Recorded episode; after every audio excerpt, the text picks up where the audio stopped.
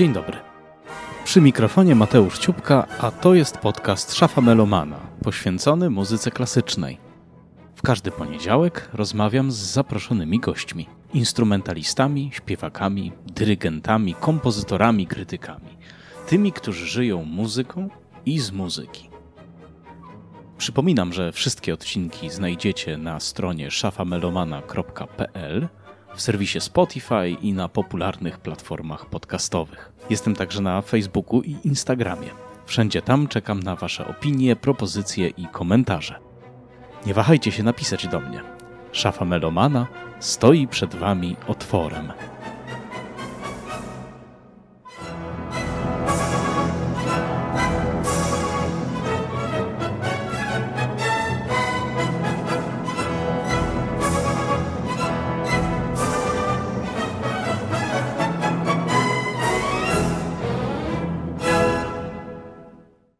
Dzisiejszy, 20, a więc trochę jubileuszowy odcinek podcastu będzie nietypowy. Zazwyczaj w szafie Melomana spotykam się z jednym gościem lub gościnią, no i długo rozmawiamy. A tym razem zapraszam Was na podcastowy reportaż, którego akcja rozgrywa się w moim rodzinnym Cieszynie. Jak pewnie niektórzy z Was pamiętają, Cieszynowi poświęciłem parę odcinków, a w jednym z nich, którego gościem był Witold Raszka, sporo mówiliśmy o nieobecności muzyki klasycznej w małych miastach.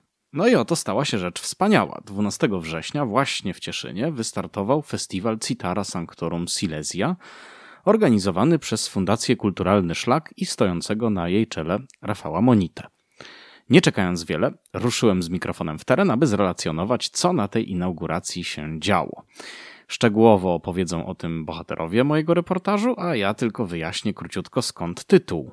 Nazwa festiwalu Citara Sanctorum pochodzi od zbioru śpiewów nabożnych i kościelnych, którego autorem był Jerzy Trzanowski, ewangelicki ksiądz, wybitny pisarz, który urodził się pod koniec XVI wieku właśnie w Cieszynie.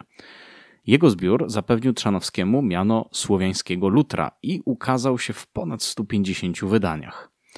Choć w Polsce jest to postać szerzej nieznana, e, jego nazwisko na Śląsku Cieszyńskim jest bardzo żywe, a pieśni śpiewa się do dziś. Zapraszam więc na Śląsk Cieszyński, a naszą przygodę rozpoczniemy w Książnicy Cieszyńskiej, która przygotowała wystawę poświęconą pismom Trzanowskiego.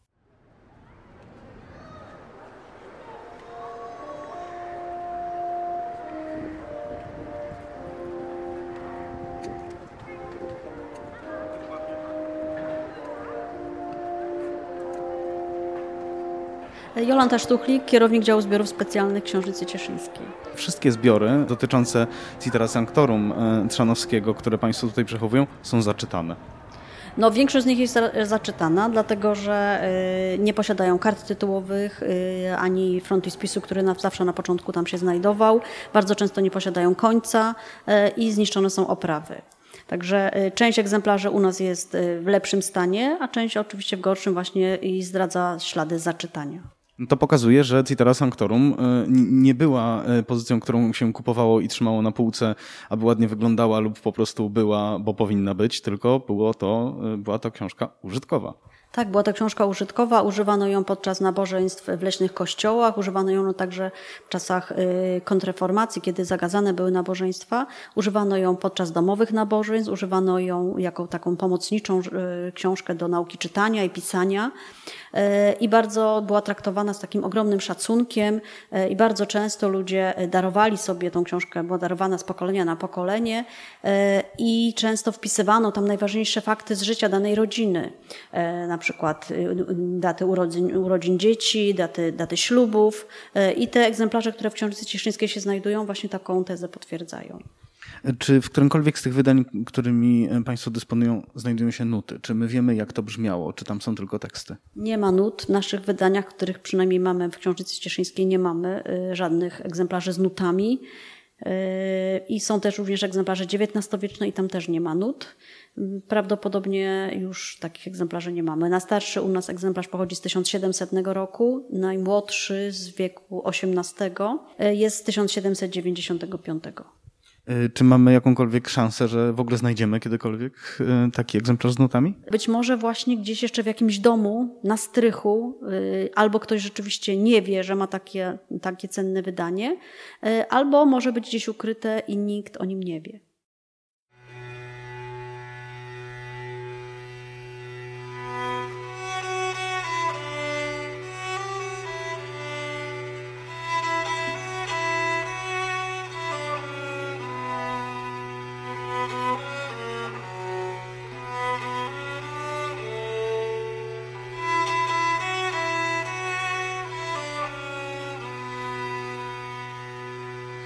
Wiem że w niebie jest miejsce krasne, gdzie się śni Chrystus nad słońce jasne.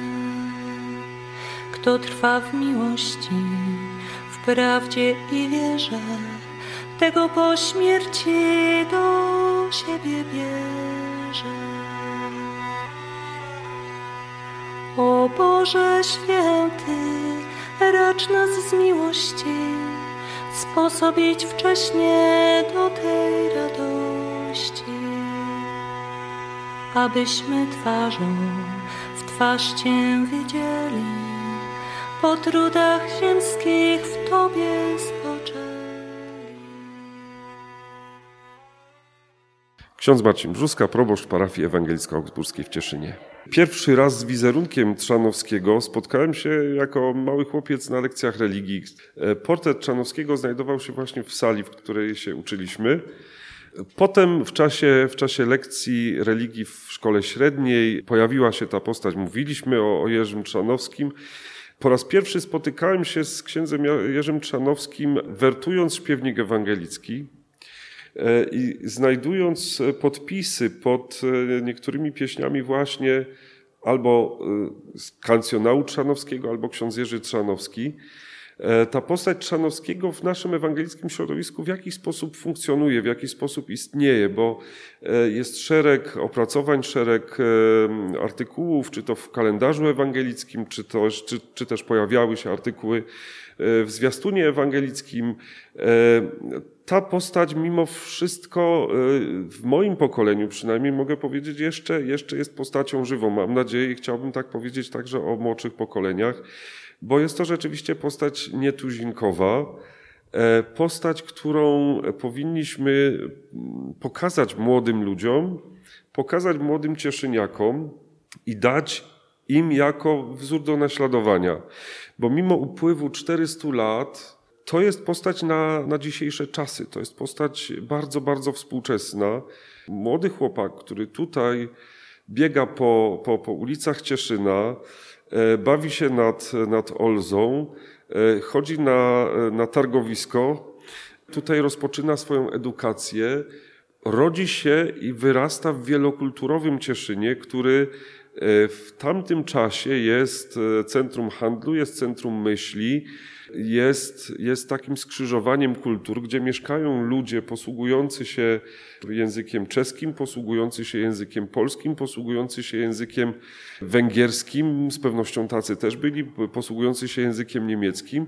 I ten młody człowiek, jak gąbka, chłonie to, tą, tą, tą wielokulturowość Cieszyna, chłonie to wszystko, co tutaj, co tutaj e, przeżywa, co tutaj się dzieje i bez kompleksów idzie w świat. Idzie najpierw e, do Gubina, potem do Kołobrzegu, potem trafia na Uniwersytet w Wittenberdze jako pełnoprawny student tego uniwersytetu, nie jako jakiś e, ubogi krewny powiedziałbym, ale jako pełnoprawny student i zostaje matrykulowany na, na, na Uniwersytet w Wittenberdze jako Jerzy Trzanowski, Ślązak Cieszyński. W ten sposób się E, określa, w ten sposób się podpisuje.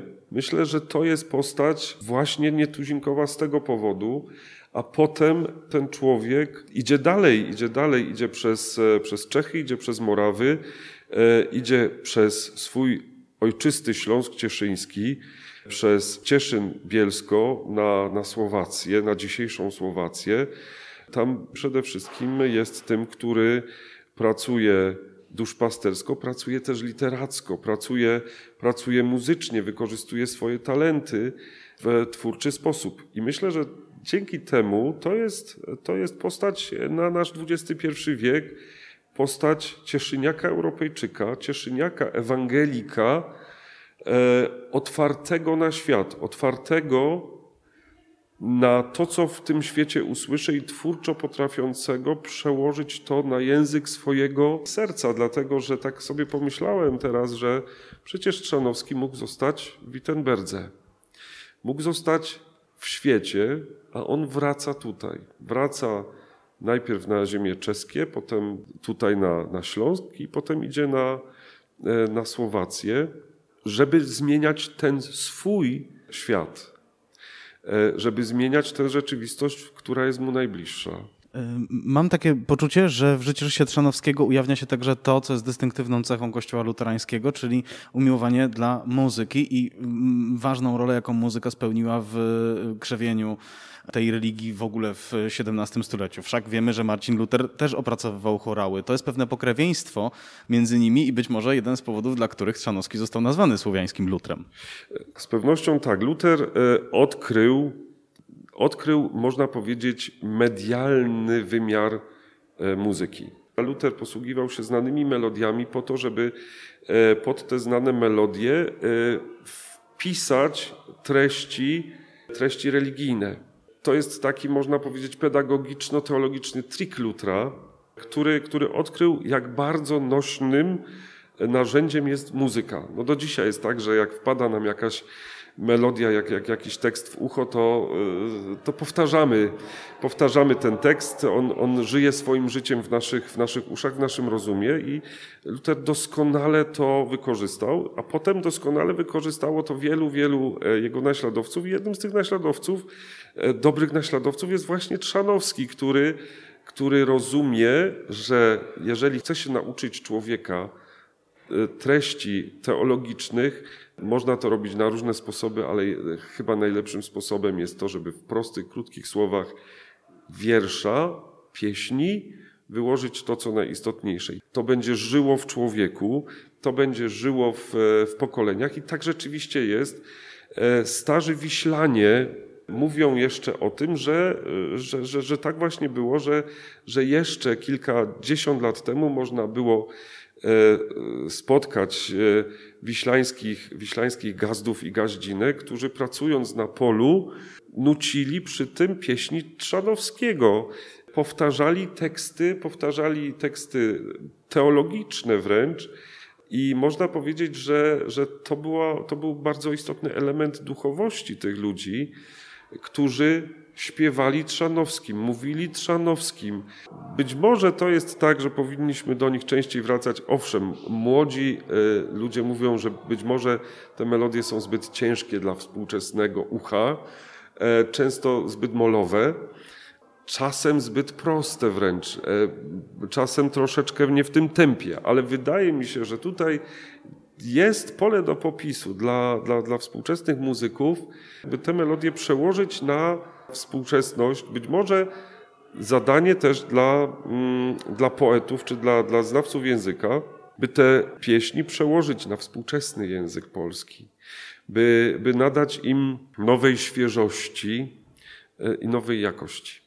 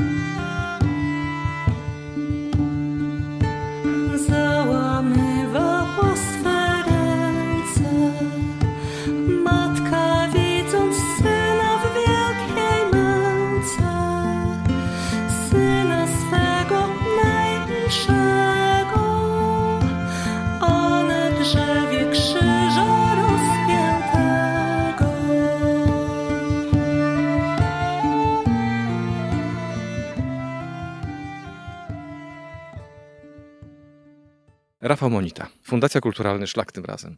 Festiwal chodził za mną od dawna, rzeczywiście, parę lat. Myślę, że takim katalizatorem było 500-lecie reformacji, kiedy rzeczywiście się wiele mówiło, więcej się poznawało, więcej można było y, odkryć też. No i odkryłem Czanowskiego również wtedy i ja. Zafascynowałem się tą postacią, zafascynowałem się Cieszynem również. Bywałem jakiś czas temu tutaj, wiele, wiele lat temu, ale jakoś dopiero w tej chwili sobie odkryłem lepiej i rzeczywiście zafascynowałem się również samym miejscem.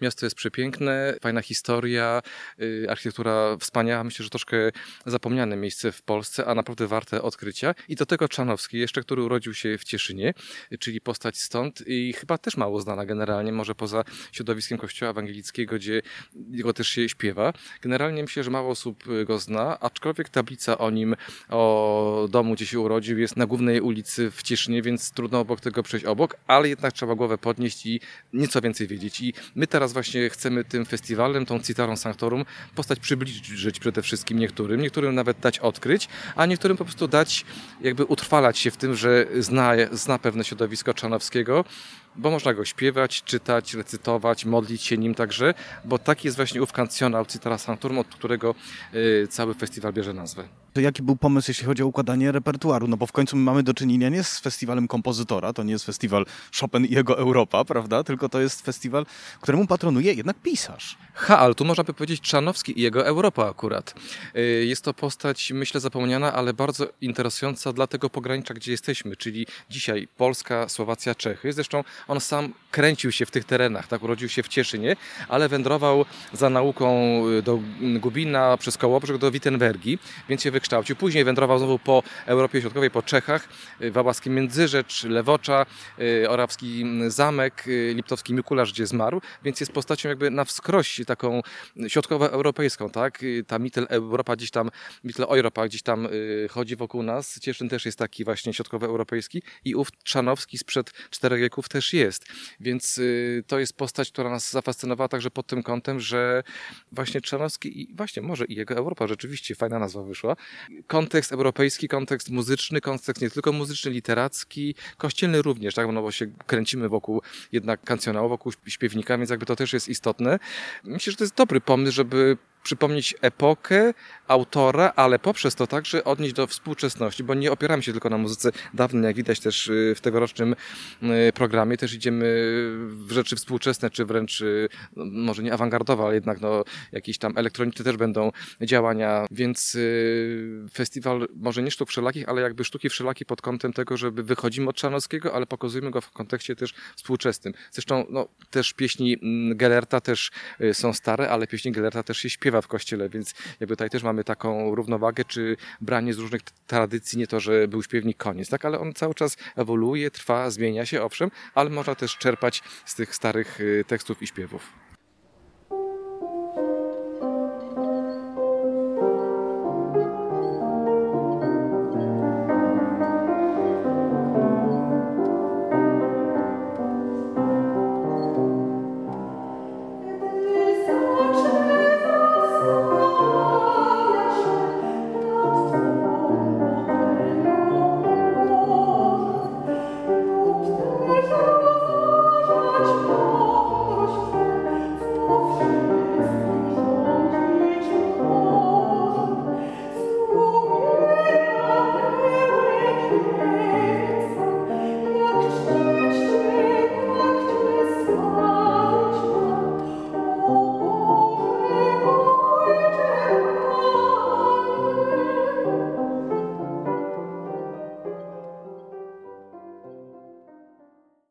Koncercie nie mieliśmy akurat okazji słuchać e, pieśni Trzanowskiego, ale mieliśmy okazję słuchać pieśni Gellerta, które w jakiś sposób są oczywiście pokrewne e, też twórczości Trzanowskiego.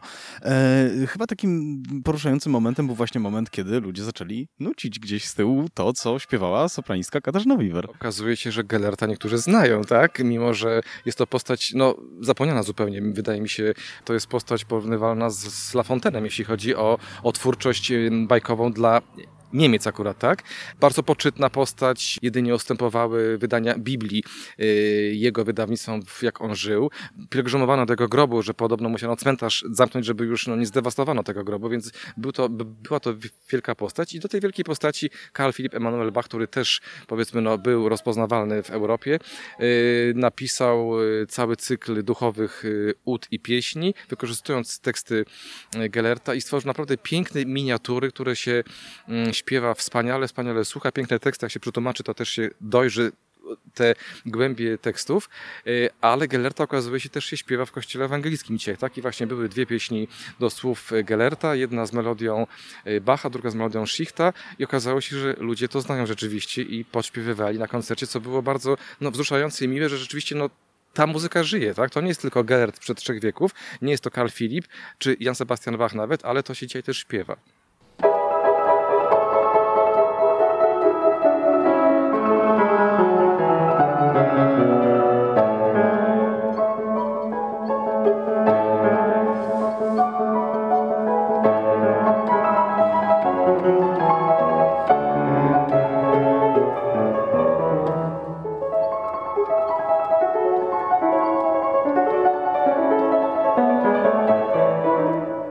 Pilch.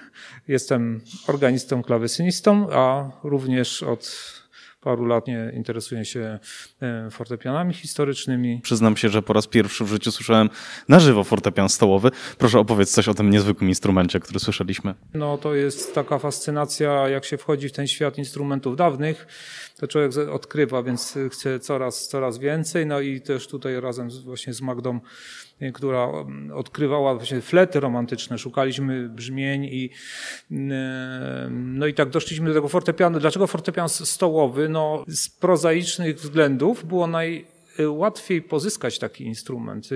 Y, kopie instrumentów historycznych w ogóle teraz zaczynają się robić modne.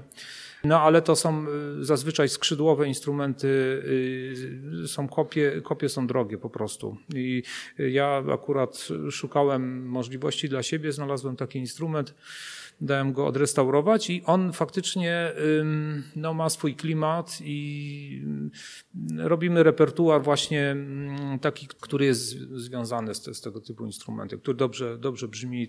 Stąd, stąd też na dzisiejszym koncercie właściwie te późniejsze rzeczy, no chcieliśmy pokazać, skoro już przywieźliśmy fortepian, pokazać taką literaturę właśnie tro, trochę późniejszą niż Karl Philipp, no, wczesny romantyzm. To jest instrument y, Ernsta Irmlera, budowniczego z Lipska. Lata jego powstania to jest on prawdopodobnie 860 jakoś tak. Specyfika tego instrumentu, charakterystyczna rzecz, on ma, on ma mechanikę wiedeńską lub, lub niemiecką, jak niektórzy E, ta nomenklatura jest tutaj płynna, w każdym razie nie angielską. Na tym mi też zależało, e, zdobywając taki instrument. Ta mechanika jest dość, dość specyficzna. E, jest no, szybka, wyrazisty, wyrazisty dźwięk artykułowany, aczkolwiek już jest to w zasadzie instrument mocno romantyczny, można powiedzieć. On ma dużą skalę, ma, ma dość w porównaniu właśnie z takimi instrumentami z przełomu XVIII-XIX wieku, y, no to ma już taki ciepły, y, miękkie, miękkie brzmienie. No ale przede wszystkim też skalę dużą, więc w zasadzie na nim można grać, Chopina można na nim grać na przykład. Przynajmniej jak chodzi o skalę, to się mieści.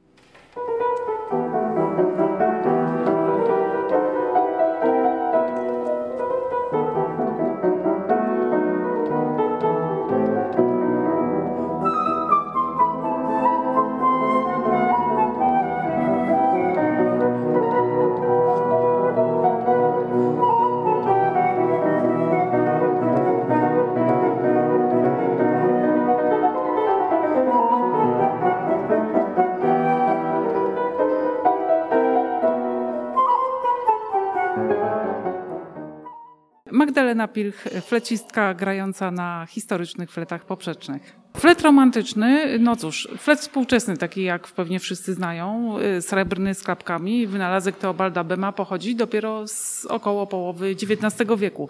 Także cała literatura fletowa pisana wcześniej, również ta rdzennie romantyczna z pierwszej połowy XIX wieku, była pisana z myślą o innych instrumentach.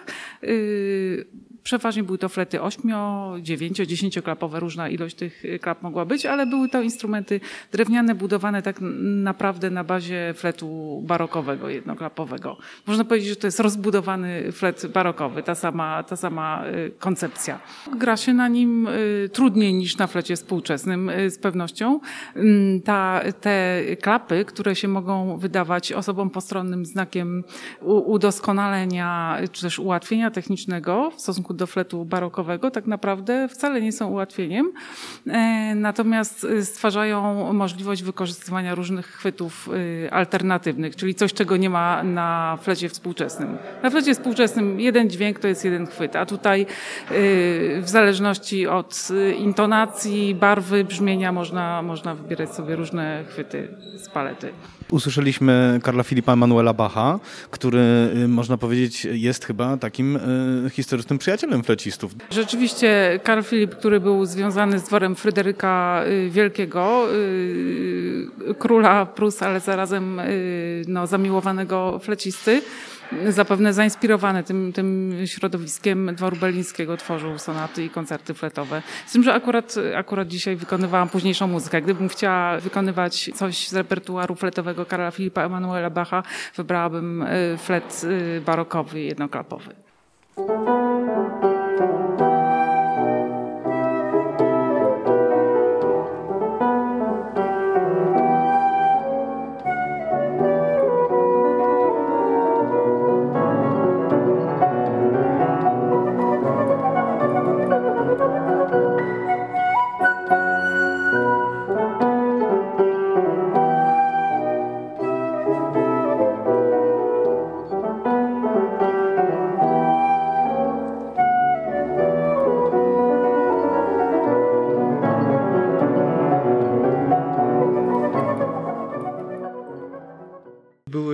Dwie warstwy tego koncertu. Była, była wirtuozowska muzyka wczesnego romantyzmu, ale poprzeplatana właśnie tymi Geistliche Oden, Gellerta. Te ody zostały napisane w 757, o ile dobrze pamiętam. Stały się szybko popularną, znaną, taką cenioną y, twórczością duchową, można powiedzieć, no, przeznaczenia właśnie takiego religijnego, nie tylko kościelnego, ale może bardziej do prywatnych, y, prywatnych praktyk. Y, bardzo spodobały się Karlowi Filipowi i sam na z własnej inicjatywy napisał melodie, własne melodie do, do wszystkich tych ud. Y, aczkolwiek po, to jest 52 chyba kompozycje, on je uporządkował według własnego klucza. Y, no i popularność ich była tak duża, że y, szybko Karl Filip jeszcze zaczął dalej się zajmować tą, tą twórczością pieśniową. I jaki jest związek tutaj z tym, z tym Trzanowskim? Taki nie bezpośredni, ale pośredni jest duży, dlatego że ta poezja y, Gellerta stała się bardzo popularna właśnie y, w kościołach protestanckich i te teksty przechodziły do śpiewników ewangelickich. Również tutaj Y, na Śląsku Cieszyńskim są bardzo, bardzo lubiane i śpiewane. Y, oczywiście nie do tych melodii Karla Filipa, one są za trudne, są artystyczne, ale do innych melodii. Zresztą sam Gellert pisał, że, że można, gdyby sobie nawet życzył, żeby te pieśni śpiewać na znane melodie kościelne. Więc tak się stało. Y, no i to jest jakiś tutaj punkt taki właśnie, który nas łączy z tą ideą Trzanowskiego, czyli powstanie kancjonałów.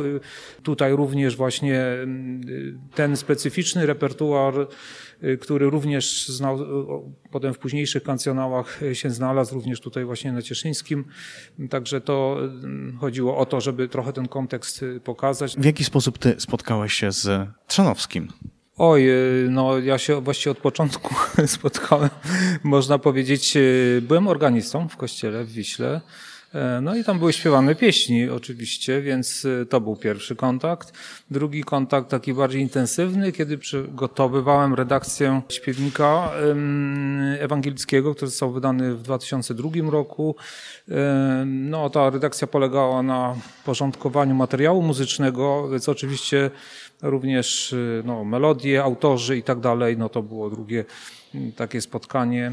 A trzecie, może bardziej intensywne, robiłem taki projekt w 2016 roku. Dotyczył hymnologii y, ewangelickiej. Zajmowałem się kancjonałami, historią, właśnie historią ewangelickiej pieśni kościelnej, mówiąc ogólnie chorałem protestanckim, bo to była też kwestia taki, takie pojęcie funkcjonuje u nas, przynajmniej w środowiskach muzycznych. Tutaj w kościelnych raczej nie, nie mówi się o chorale protestanckim, ale muzycy mówią o chorale protestanckim.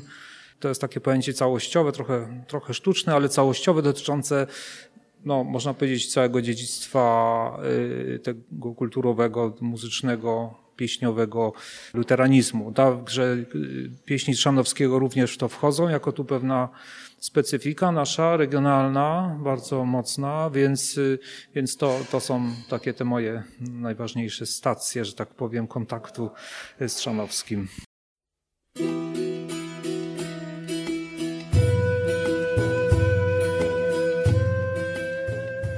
Naszą opowieść o Jerzym Trzanowskim i festiwalu, który jest inspirowany jego życiem i twórczością, rozpoczęliśmy w Książnicy Cieszyńskiej, a zakończyliśmy w Kościele Świętej Trójcy, gdzie wystąpili Katarzyna Wiwer, Marek Pilch i Magdalena Pilch, a całość prowadził Rafał Monita. W reportażu wystąpili ponadto Jolanta Sztuchlik i ksiądz Marcin Brzuska. Słuchaliśmy fragmentów płyty Citara Sanctorum, pieśni słoweńskiego lutra w wykonaniu zespołu Citara Sanctorum, który tworzą skauci i instruktorzy szczepu nr 16 Poznań Royal Rangers Polska. Serdecznie polecam Waszej uwadze to klimatyczne nagranie.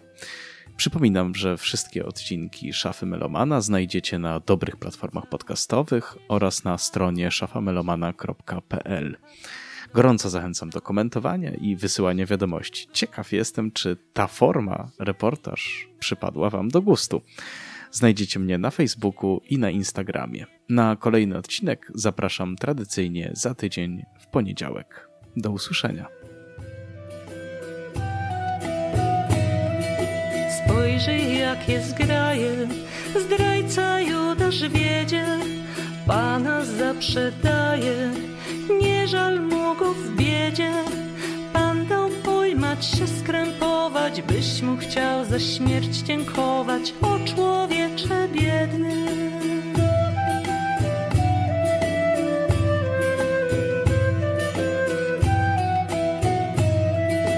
Patrz, jak go prowadzą do nasza złego, by uśmiercić radzą twarz i złorzeczenie znosi rad za Twe zbawienie, o człowiecze biedny.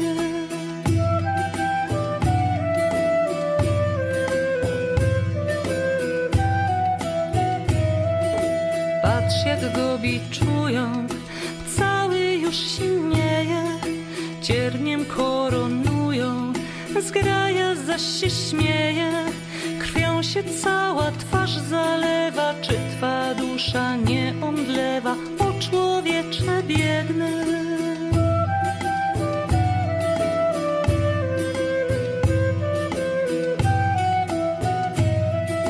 Patrz jak go gromada wiedzie na stracenie, jak pod krzyżem pada, cierpiąc umęczenie już ponosi śmierć niewinną, tyś przez grzechy temu winny, o człowiecze biedny.